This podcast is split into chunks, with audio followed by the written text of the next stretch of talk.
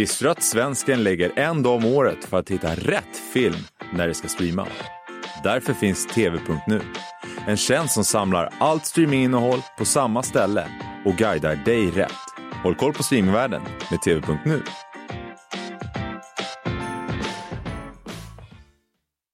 What is this? What? What is this? For what? Why?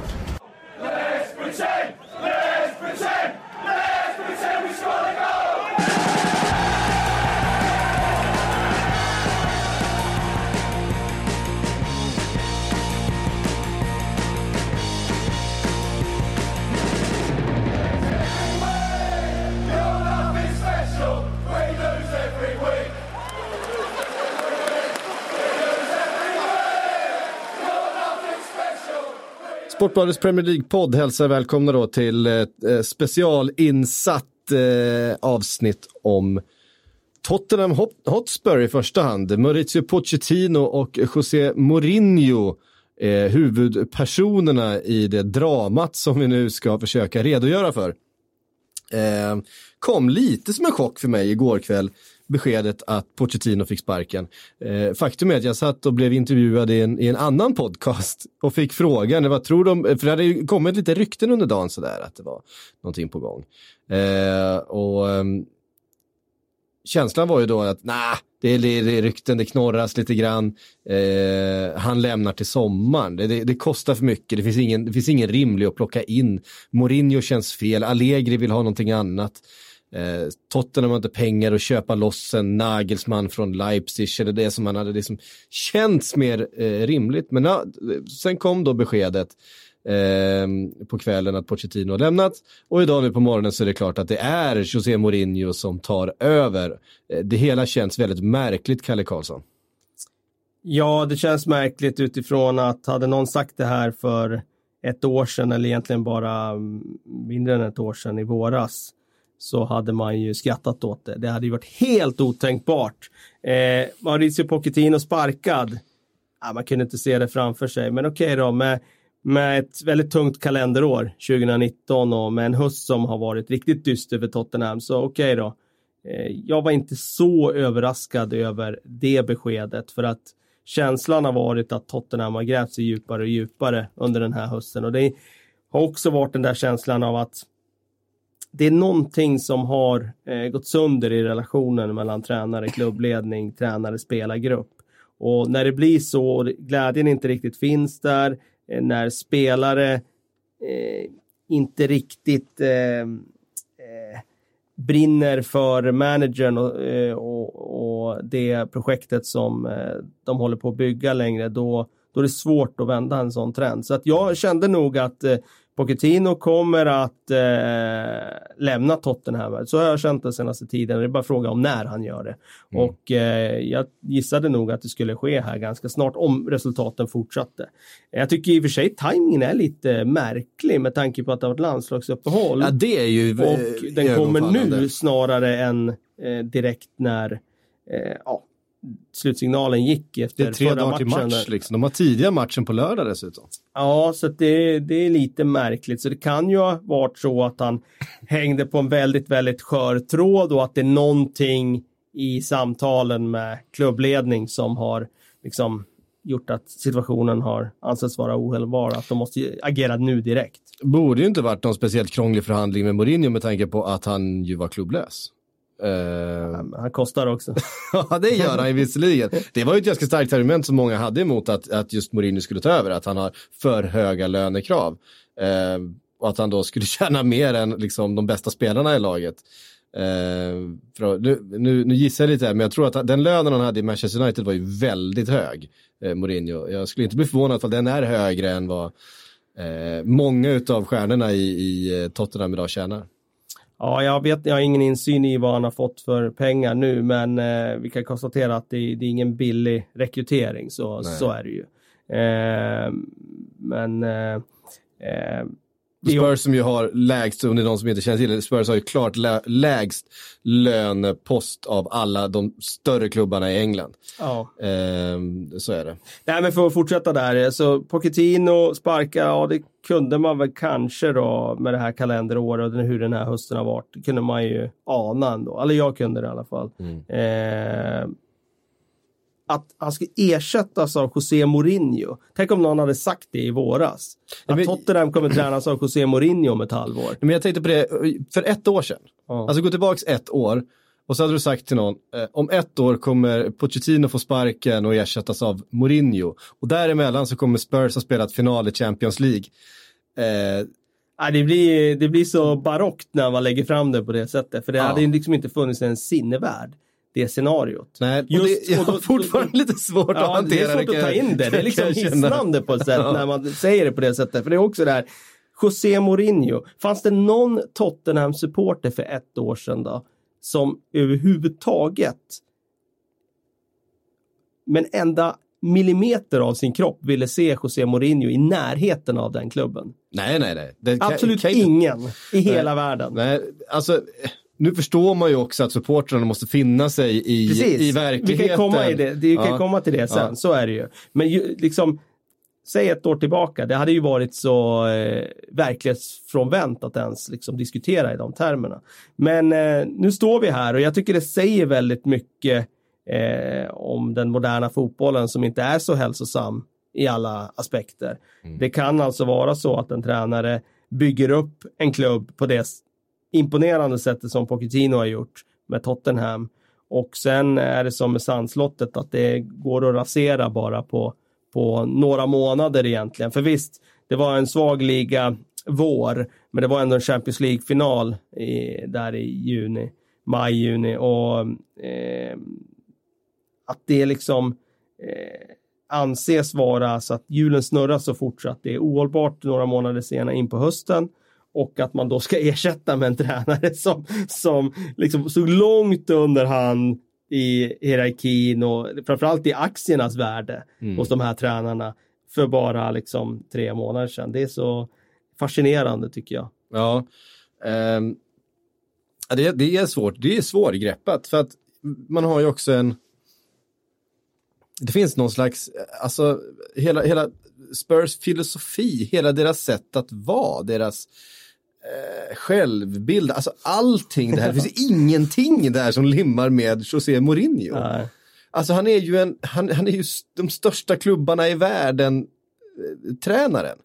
Han är den största budgeten i världen, tränaren.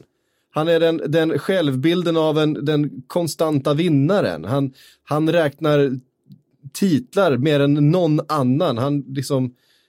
Eh, det, är ju, det är absolut inte Spurs på något sätt. Nej, precis. Men det Spurs har ju haft ett väldigt sympatiskt projekt. Ja, Eh, extremt. Och Men- nu kommer den eh, liksom kaxigaste tränaren som finns egentligen in och ska bygga sin vi mot världen mentalitet.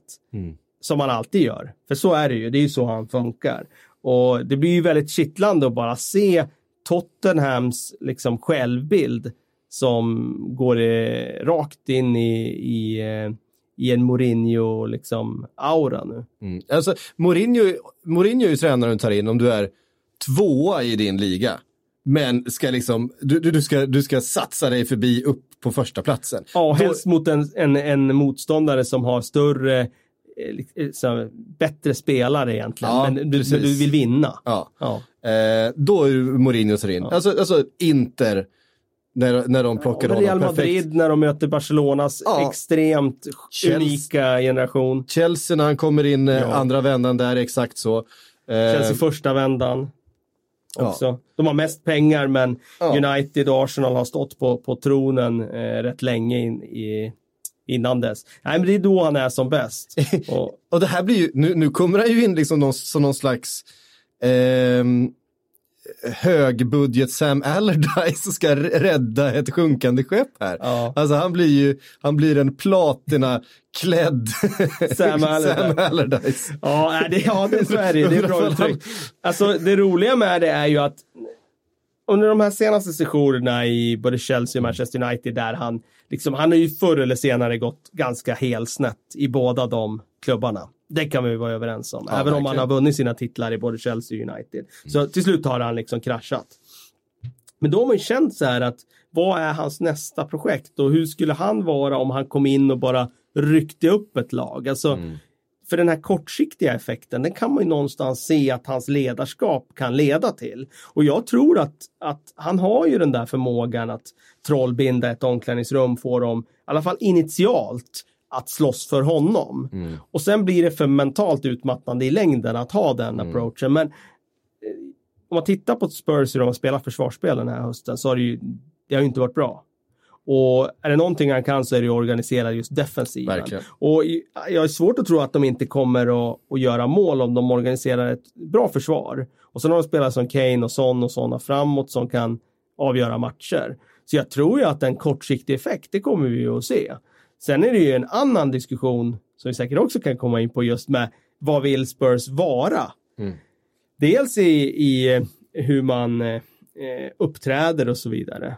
Eh, men också vilken fotboll vill man spela? Jag har svårt att se att Tottenham vill eh, gå Mourinho-vägen för att vinna titlar till vilket pris som helst. Kanske är så att eh, en del av fanskaran vill det för att det har varit liksom titeltorka så pass länge och att man allting för en titel och att hjulen har snurrat åt det hållet i fotbollen att det är det enda som betyder något. Men jag har svårt att tro ändå att, eh, att man vill parkera, plötsligt vill parkera bussen för att vinna den enskilda matchen vecka efter vecka. Eh, då skulle ju de göra en, ett byte av livsåskådning som, eh, som eh, hade varit ovanligt. Tror du att det finns en, en desperation ifrån klubbledningen här? Eh, man har byggt en väldigt, väldigt dyr eh, arena Ja. eh, som kostar väldigt mycket pengar. Det är en satsning som kräver kontinuerligt Europaspel. Eh, med de resultaten som har varit, tror du att det finns en, en desperation från deras sida? Vi måste lösa en topp fyra. Vem är bäst lämpad här och nu att rädda den här säsongen? Att eh, garantera ett Champions League-spel nästa säsong. Eh, förhoppningsvis ta den här truppen eh, upp på en, i alla fall en kvartsfinal i Champions League eh, den här säsongen. Att det är den kortsiktigheten som ändå avgör i det här beslutet. Det är så viktigt för dem, för de måste finansiera det här projektet. De måste dessutom fortsätta utveckla klubben. Man har inte råd att ta ett par, tre år, bygga om, eh, landa på en femte, sjätte, sjunde plats, spela lite Europa League ehm, så som vi har sett Arsenal göra senaste säsongen, och så som vi har sett eh, Manchester United också göra, Liverpool förra dagen. Man har inte råd att, att göra den resan ner och bygga om från grunden. Man måste försöka bygga om samtidigt som man ehm, Klamrar sig fast där uppe. så, liksom. som, man, som man klamrar. Man, får, man måste börja lite med fasaden och sen får man försöka bygga om eh, fundamentet samtidigt. Liksom. Ja, just det. Ja, men om det är så sån avgörande liksom, situation för klubben, då kan man ju säga att eh, Daniel Levy spelar poker och spelar ett väldigt högt spel. Det är allt in på svart där. Ja. Och, och det får bära eller brista. Ja. Eh, det kan bli en kortsiktig effekt och jackpot. Det kan bli att de eh, förlorar allt som de har byggt upp och då kommer det ju såklart kosta massor. Eh, det kan ju vara så, men just den här för det är ju lite att man trycker på panikknappen när man plockar José Ja. Mourinho. För att vi har ju haft rätt mycket diskussioner om José Mourinho. Redan när han lämnade Chelsea så var ju frågan så här, vad kan han få nästa gång? Ja, så tog han Manchester United och så kraschade han där. Nästa gång han tar en klubb, då var ju liksom känslan att han kommer inte få en klubb i den högre kategorin. Och liksom Real Madrid och de där, det var ju helt Ja. uteslutet. Ja. Tottenham har ju ändå klättrat upp till att vara bland de mest attraktiva jobben i Premier League. Ja. Och de är ju med i den där kategorin nu där uppe. Visst, kanske inte lika stora klubbar historiskt sett som Arsenal, United och så vidare. Men det är ändå ett lag som har varit uppe och spelat Champions League-final. Det är en av de som- så här, 10-15 bästa klubbarna i världen. Liksom. Ja, precis. Och jag kunde inte se, det är bara att erkänna, jag kunde inte se att någon sån klubb skulle satsa på José Mourinho. Och det, är jag tycker det blir lite komik också att han får ett tre och ett halvt års kontrakt. För Ja. hans treårscykel, den, den är ju vida vedertagen. Och eh, jag tänkte mer att nästa jobb han får, då får han börja med ett plus ett. Liksom. Ja. Ja. du får ett år och så kan du option på förlänga om det här har funkat bra. Liksom. Men det är inte det här... Är det det som har dragit ut på tiden tror du? Det här långsiktiga, liksom, här har du ett projekt att jobba med. Det är ju inte den tränaren han har varit på något sätt, utan det är bara vinna nästa match nästa helg. För det, det är det man lite undrar, vad är det, vad är det Levi har erbjudit honom också? För att han kommer in och så får det här då tre och ett halvt års kontraktet. Eh, här har du att jobba med, men du har en bra trupp. Eh, två, tre av de största, bästa, största stjärnorna, bästa spelarna sitter på utgående kontrakt. Så vi, eh, Eh, de kommer förmodligen försvinna redan till sommaren. Vi har inte speciellt mycket pengar att röra oss med. Vi har ingen stor budget. Du får ingen en och en halv miljard att bygga om med eller ens ersätta de spelarna som försvinner med. Ehm, så hur förväntar de sig att en tränare som José Mourinho ska vara lösningen på, på det problemet som de faktiskt har satt sig i? Ehm, de behöver ju någon som kan bygga en klubb med små resurser exakt det som Pochettino är kanske bäst i hela världen på. Hade han varit ledig hade det ju varit honom de hade ringt. och det blir ju lite om, så här. Om ett halvår skulle man här, du den där Pochettino har fortfarande inte något nytt jobb, kanske det, man skulle höra av sig till honom. Så är det ju ofta i Italien, där sker ju det ofta, där de sparkar ja. tränare till höger och vänster. Där är det ju väldigt ofta, eh, tycker jag det sker, att man sparkar en tränare, sen bara oj, vi har klar han på lönelistan, så ska vi mm. sparka mm. nästa tränare. Samparini har väl gjort det flera gånger i Palermo. Nej, vi plockar tillbaka det Elio Rossi. Ja. För att han, han finns ju här i karusellen. Det är bara han, bor, in. han bor ju här borta. Han bor i kvarteret och vi betalar hans lön. Så han kan lika gärna stå här och lyfta lite koner ja. eh, igen. Men nej, det är ju intressant. Jag, jag, därför tycker jag också det var intressant med eh, just Mourinho, för det fanns ett namn på den där listan över tänkbara kandidater som jag tyckte var klockren, det är Eddie Howe. Mm. Eh, som är en lagbyggare men även en klubbyggare. Mm. Kan jobba med lite mindre resurser. Har ju visat att han dels gör resultat över tid, eh, fenomenal prestation att etablera Bournemouth i Premier League. Ja, herregud. Och eh, kan utveckla spelare. Och han förtjänar ju eh, att få chansen i en klubb av högre, högre nivå, eh, liksom kategori. Och det var ju en sån tränare Levi plockade när han plockade Pochettino. Mm. Han tog ju honom från Southampton, han hade haft Espanyol innan det. Mm. Eh, varför litar han inte på sin förmåga idag att hitta en ny sån tränare? Det här är ju Tottenham gör ju lite det som Manchester United gjorde när de värvade eller rekryterade José Mourinho. Att man plötsligt går man inte på visionen om vart man ska, utan det är mer här och nu. Vi plockar det stora namnet som vi tror kan ge liksom en snabb boost mm. och sen eh, långsiktigt, det, det, är inte speciellt intressant längre. Nu jobbar vi för nästa match. Ja, men det, det är lite det jag eh, känner också inför, eh, det är därför jag får den här känslan av att det är ett tryck på panikknappen. Shit, om vi inte gör någonting nu så kommer vi missa Champions League. Fan, vi kanske åker ut redan i åttondelen här. Eh, utan de intäkterna så kommer vi behöva sälja fler spelare och köpa ännu billigare. Alltså vi kommer eh, hamna i en negativ spiral. Eh, för de här, den här nivån klubbar, det är ungefär som, ja, men jag får känslan av Sunderland, vet, när de höll på att åka ur hela tiden. Ja. Eh, och återinvesterade och byggde på den här fasaden hela tiden så att eh, tog in Sam Allardyce på ett dyrt kontrakt. Eh, han räddade kvar dem med nöd och näppe liksom. Överbetalade eh, två plus-spelare som ändå var, fyllde någon slags funktion för att hålla dem kvar. Gjorde den resan om och om igen. Och sen när väl fasaden rämnade så fanns det ingenting där under. Det fanns ingen struktur, ingen, ingen grund att stå på. Det fanns ingen kultur, det fanns, det fanns noll. Och så, såg vi vad som, så har vi sett vad som har hänt med Sunderland när de väl rasade ur. Um, jag får lite den här känslan, om det nu är så som jag misstänker att det är de här eh, kortsiktiga resultaten är så pass viktiga för Tottenham att de känner att de är beredda att att eh, offra bitar av sin kultur, offra bitar av sin, sin filosofi, av sin själ för att eh, plocka in en tränare som på kort sikt kan styra upp det här skeppet, eh, kan polera upp de där eh, stjärnorna en, en säsong för att lösa ett nytt eh, Champions League-kontrakt, de här pengarna som ska in. Eh, men att man i det arbetet gör precis det som är det absolut sämsta man kan göra för en fotbollsförening, nämligen börja urholka det som bygger upp allting, själva fundamentet och strukturen i, i föreningen. Eh, och det som du säger, det är ett jävla pokerspel, alltså det, det, är, det är att riskera väldigt mycket. Det är att riskera väldigt mycket. Verkligen. Eh, jag sitter och ler för jag tänker lite på vår kära kollega Erik Niva här. Eh, han har ju någonstans varit lite signifikativ tror jag för hur man som supporter tacklar Mourinho. Eh, Niva har ju alltid varit lite sådär, jag tycker ju att José Mourinho är rätt underhållande. Tills han tränar hans, hans klubb.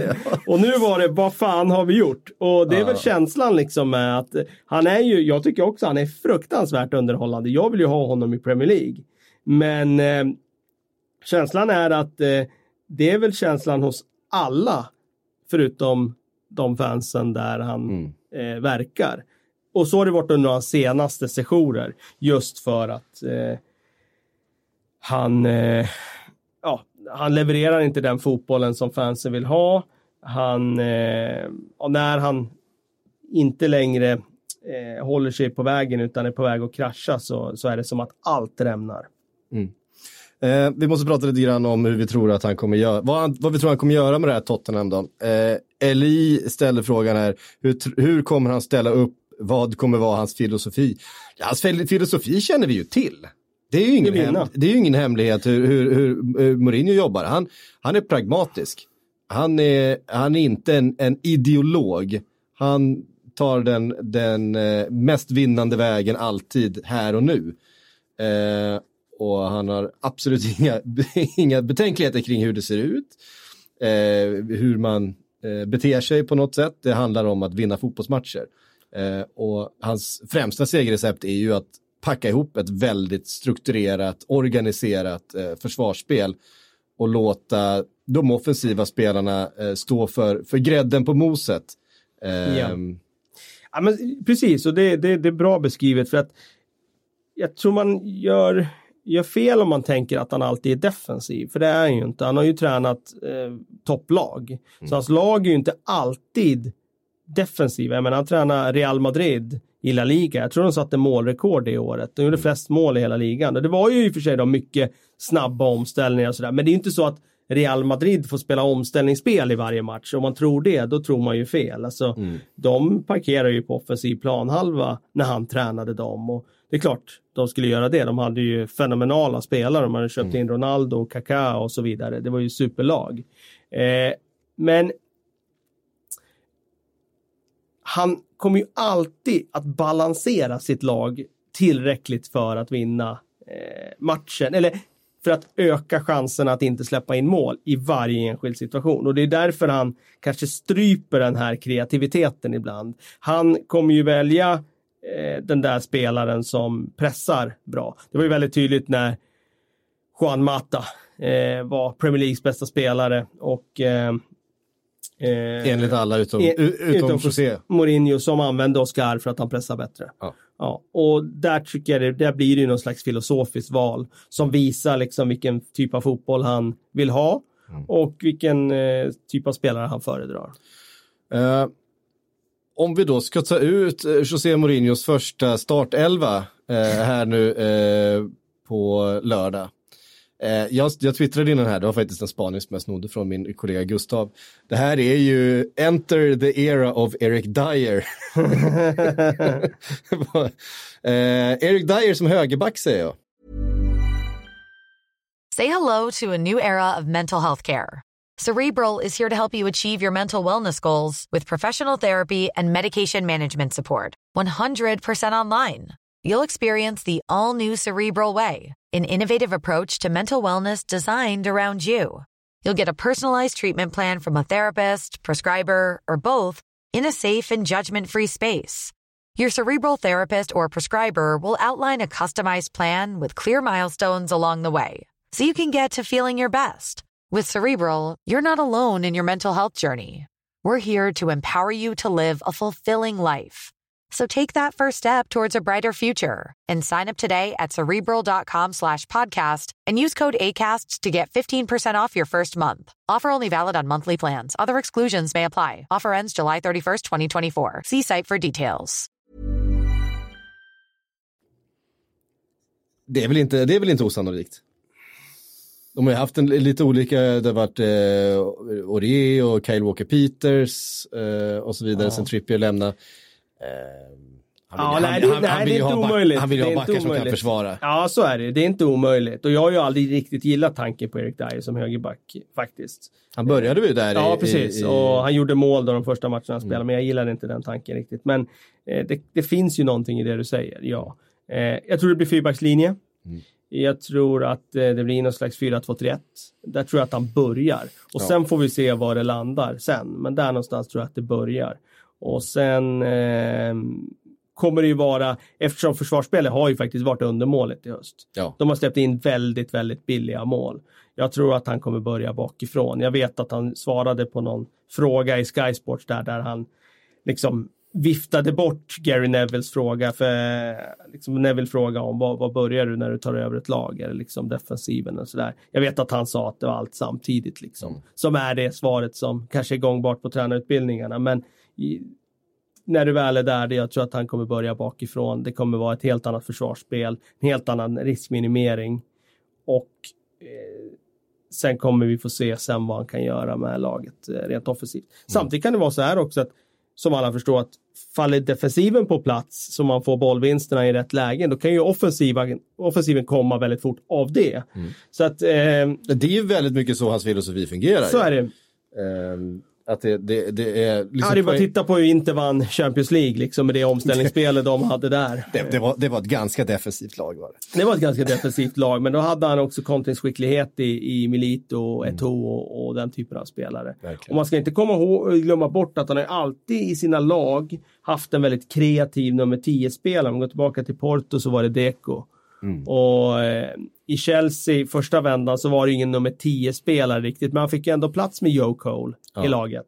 Han eh, och utvecklade honom väldigt mycket. Man hade dessutom en Frank Lampard på centralt mittfält. och Mesut Özil sen i Real Madrid. ja. Ja. Så att eh, det finns plats för kreativitet i hans lag, men det Absolut. kommer ofta eh, liksom det är ju inte den första prioriteringen. Det är ju inte någon ideolog som tänker nu ska vi spela champagnefotboll här och bjuda publiken på, på underhållning, utan det, det kommer ju någonstans lite längre ner på prioriteringsordningen.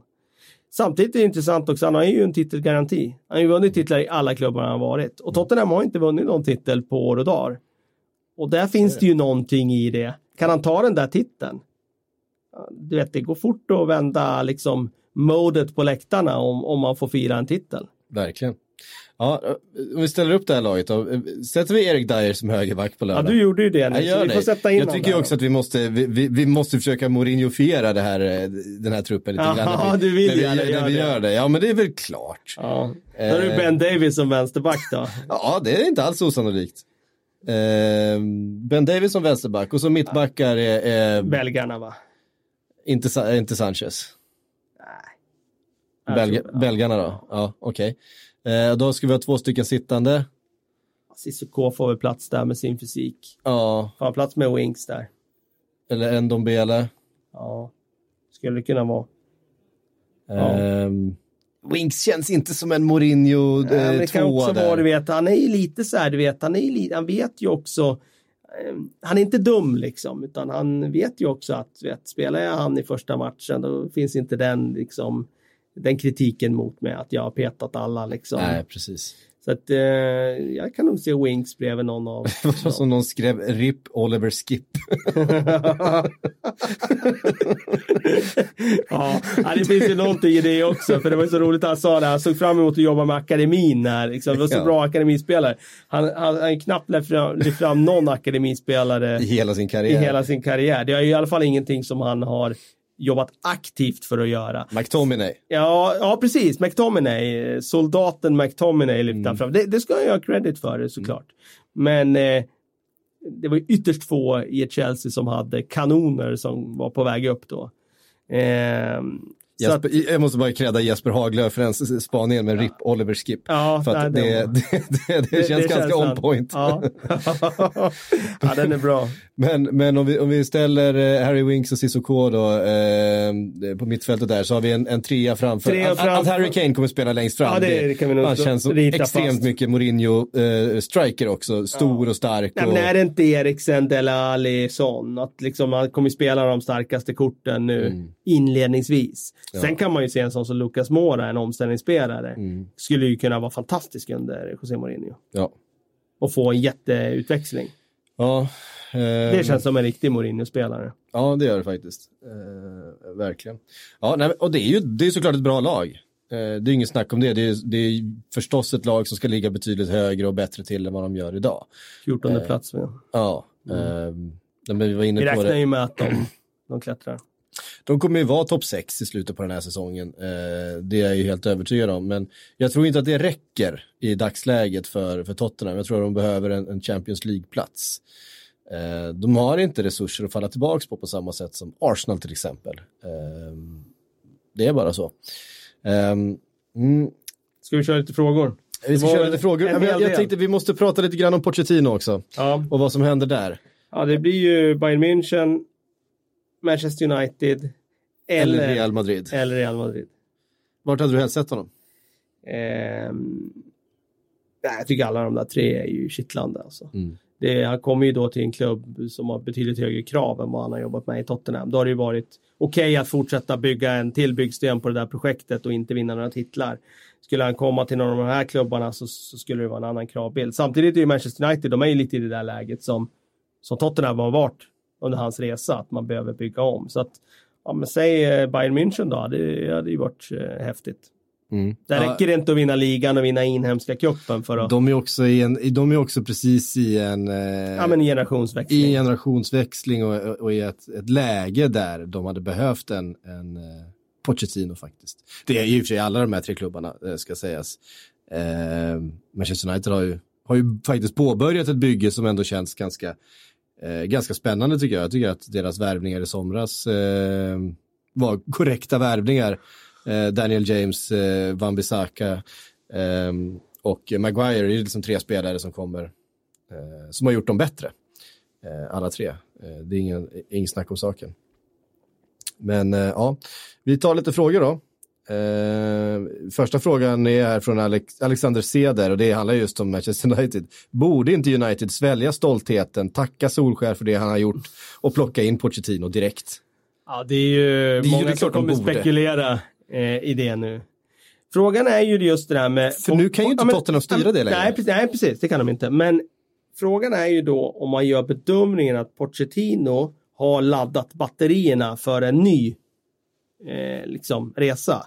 Det, det är ju väldigt dränerande att vara fotbollstränare på den högsta nivån. Och eh, det som har kommit ut från Spurs-lägret är ju att han, hans energi har tagit slut och han har inte varit påkopplad på samma sätt den här hösten som han varit tidigare. Och det har fått spelarna att eh, eh, Han ser ja, kolla träningarna från, eh, från kontoret och Ja, precis. saker. Han har hoppat över träningar och så vidare och stått och tittat på dem på, eh, ja, från fönstret istället. Mm. Och det är klart att är det en tränare som nu direkt ska kliva in i nästa? Eller är det en tränare som ska få två månader på sig och andas lite grann och åka på sin semester till sitt sommarhus där i Barcelona som han har och, och eh, ladda batterierna för att sen komma redo. Eh, jag, jag kan se en fördel av det. Vi har ju sett andra tränare ta just den där lilla pausen. Det behöver inte vara så många månader egentligen. Vi såg ju Mourinho har ju tagit en paus nu. Eh, Klopp tog en paus före Pep Liverpool. tog ett sabbatsår. Pep tog ett sabbatsår, eh, absolut. Så att det, det kan finnas en poäng med det. Eh, absolut, samtidigt så. Eh, ja, det är ju. Någon, någon kommer ju ta honom. Jag är helt övertygad också om att Poch kommer göra det väldigt bra vart han än går. Eh, det känns som att han, han eh, kommer göra succé i sin nästa klubb. det, blir, det är ju inte en riktig rokad, men eh, eftersom det blir ju inte liksom då skulle det varit Solskär som hade tagit ja. Tottenham. Men det är ju nära på en rokad om man skulle hoppa in i United nu. Ja, och, och det måste ju vara så här. Det gynnar ju inte Tottenham direkt att göra liksom United så liksom eh, bättre direkt, vilket jag ändå är känslan. Eh, Jag hör vad du säger. det hade ju gjort det här beslutet det, ännu svårare att svälja för, Tottenham-fansen, för, för ja. Tottenham-fansen. Det måste det ju vara. Och se honom där och sen liksom rycka upp United ur, ur askan liksom Mm. och, och börja gå bra och bygga samma typ av projekt som man gjorde i Tottenham. Det hade ju varit en riktig kniv i ryggen såklart för Spurs-supportrarna. Eh, Victor Nilsson skriver, hur tror ni Spurs-supportrarna tar detta? Känns som att detta kommer gå käpprätt. Eh, det vet vi ju inte hur det kommer gå. Alltså det, det är José Mourinho vi pratar om. Han, han är ingen dålig fotbollstränare. Även att, även att resultaten har eh, svikit honom de senaste eh, åren så är han ju Och jag tror även tiden har sprungit ifrån honom lite grann också. Men det utesluter i alla fall inte en kortsiktig effekt. Nej. Eh, men eh, hur, hur, fansen tar det, jag tror att de är chockade ja, faktiskt. Jag var faktiskt inne och tittade på eh, Tottenham Hotspur Fan TV eller eh, något sånt där och det var, eh, det redan lagts upp då instant reactions på det här och där var ändå ganska positivt. Man kände, ja vi kanske förlorade någonting och det känns tungt att Pochettino som ju är en sån klubblegend nu i, i Tottenham att han lämnar. De har verkligen, de har ju verkligen älskat honom där. Eh, och sen att det är, det är liksom en sån figur som Mourinho som kommer in. Men man ser också den här potentialen i, i den värvningen att det är ju faktiskt en av världens mest dekorerade tränare som kommer in. Det är en tränare som har vunnit och tagit titlar i alla klubbar han har varit. Han har tagit fler ligatitlar eh, tror jag än någon annan, eh, i alla fall med fler klubbar. Eh, det kan inte vara många som matchar honom i alla fall. Nej, det är väl ingen som har gjort det i alla de ligorna som han har varit i. Nej, att han, och han får liksom alltid effekt vart han än kommer eh, på olika sätt. Sådär. Så att, eh, det var ändå ganska optimistiska. De, de har liksom köpa läget och landa i det och sen eh, försöka se de positiva eh, bitarna i det som, som ju faktiskt finns där ändå. Det kanske blir en titel till slut då. Um, Fredrik Österman skriver, kommer Levi behöva höja lönetaket nu för att Mourinho ska få in sina spelare? Eh, om inte kommer spelare som Son, Lamela och kanske till och med Kane leta sig vidare när eh, Poch är borta för att öka sina löner. Eh, Spurs nästa Everton, skriver han. Eh, Everton har väl högre löne, lönebudget än vad, vad Tottenham har, ja, på säga. Det kanske de inte har. Nej, eh, men ändå värvat friskt senaste åren. Uh, ja, det här är ju en, det här är ju väldigt mycket en ny situation för Mourinho också. Han har ju inte kommit in i det här läget i en, i en klubb. Som en krisdoktor som, som saknar miljarder att investera. Eller... Ja, det är ju kittlande att, att se. Jag menar, jag har alltid funderat på när Mourinho liksom bytte storklubb efter storklubb. Hur hade han agerat om man hade tagit över Stoke eller Crystal Palace. Det finns ju någonting i det som man är väldigt, väldigt nyfiken på att se. Och nu tar han över Tottenham som, som har varit topplag de senaste åren. Men det är en väldigt tuff situation och det finns inte massor med pengar att bara ösa eh, på nya spelare. Så att just själva managerdelen eh, blir intressant att se hur han hanterar. Sen är det ju en fråga om han är manager. Det är ju intressant att han gick ut när han var i Manchester United där och sa att nej men manager det ska vi inte prata om längre för att jag, jag är tränare. Eh, jag har ingenting att säga till om när det gäller det var någon, annan, det var någon annan och det var det Pochettino sa i, i somras också. Det var ju Precis. där någonstans man insåg att okej, okay, det här eh, är en relation med Levi som eh, har brustit. Mm, verkligen. Johan Lindström skriver, vem blir Mourinhos gubbe och hans offer? Det är ju alltid någon som hamnar i frysboxen när Mourinho tar över. Det är Oliver Skip. Oliver Skip.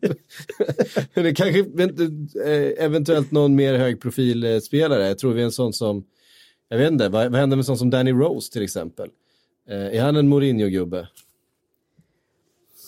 Ja, man kan lära honom försvara. Jag tror inte Lamela. att han... Eh, ja, skulle kunna vara. Eh, nej, precis. Det är intressant eh, just eh, om du tar de två. Rose, jag tror inte att... Han är inte jätteförtjust i ytterbackar som inte kan försvara inlägg på bortre stolpe till exempel i, i luftrummet sådär. Så att då får nog Rose tuffa till sin defensiv och då ska han sätta fötterna rätt och inte stå och sova när det är överflyttningar och löpningar in bakom och inlägg mot bortre stolpe och allt det där. Och gör han det så finns det ju en offensiv hos honom som mm. är intressant. Lamela, ja det är klart att det finns en höjd men det känns inte som en Mourinho-spelare. Inte här och nu. Nu kommer han gå på dem som han tycker är säkra kort som springer för honom. Och ja, det skulle kunna vara att Lamela hamnar längre ifrån. Mm. Eh... Och vem är hans gubbe då? Ja, vem är hans gubbe? Är det, Erik, Erik Dyer? ja, det, är svårt att, det är svårt att veta. Ja, jag kan se en sån som Moussa Sissoko. Inte det mm. också, när han är bra, vilket han har varit nu senaste mm. två åren, då är ju han en Mourinho-spelare. Alltså, Absolut. stark, fysisk, alltså kan ta tag i en match och liksom eh, lite som han använde Michael Essien på den tiden i Chelsea som var fenomenal. Scott McTominay. Scott McTominay, exakt. Ja, Ehm, ja men eh, man får ju känslan också, sen, sen kliver han ju in i den här problematiken att, att eh, det finns flera spelare med utgående kontrakt. Hur, hur ska han få det mesta av eh, Eriksen till exempel? För han kommer behöva Ja, Eriks, Eriksens fötter offensivt. Så är det.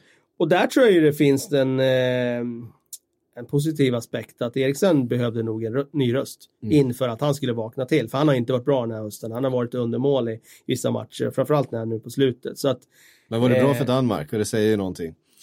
Ja, precis. Det säger väl väldigt mycket.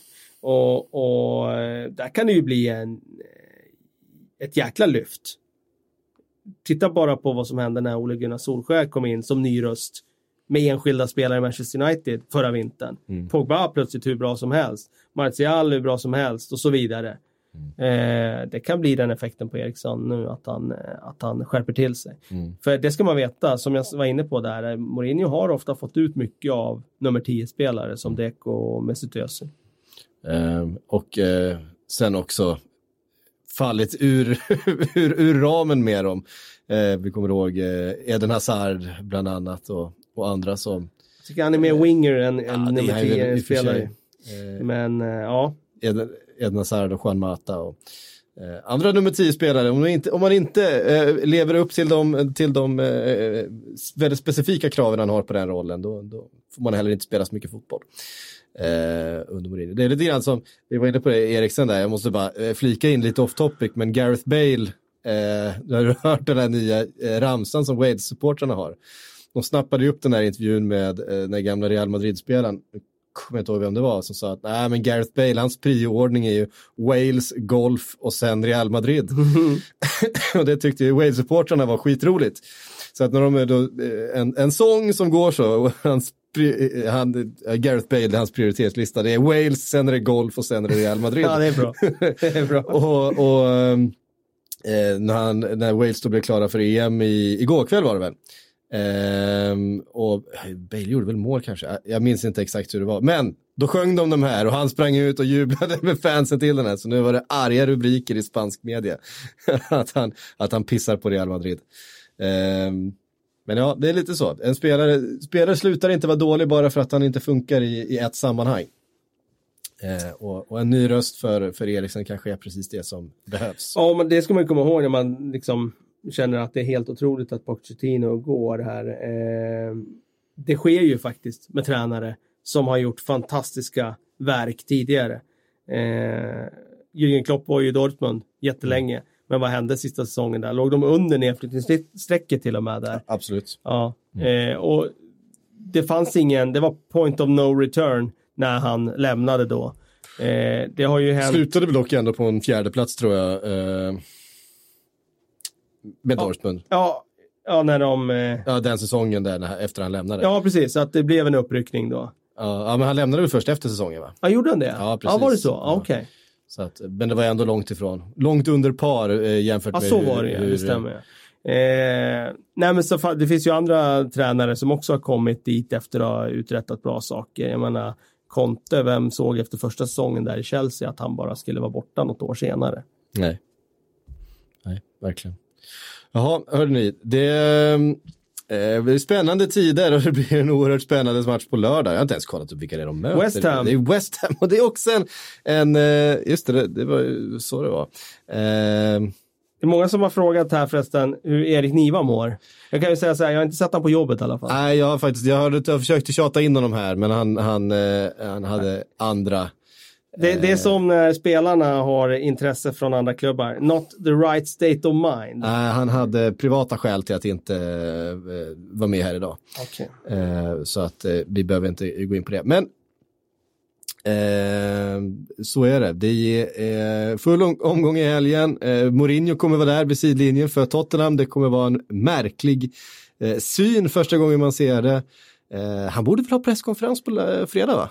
Det borde han ha. Eh, precis som alla Det andra. blir intressant och välbesökt tror jag. Välbesökt och eh, undrar om han redan nu sitter och, sitter och filar på formuleringar hur han ska eh, ta sig an den här uppgiften. Alltså det måste man ju säga att eh, ligan blir ju så mycket mer underhållande när han är, är med i cirkusen och man får hans presskonferenser efter matchintervjuer. Varje gång han ska ge en efter matchintervju så Mm. sitter man ju spänd och väntar på vad kommer nu. För det kan ju bli tv-historia varje gång.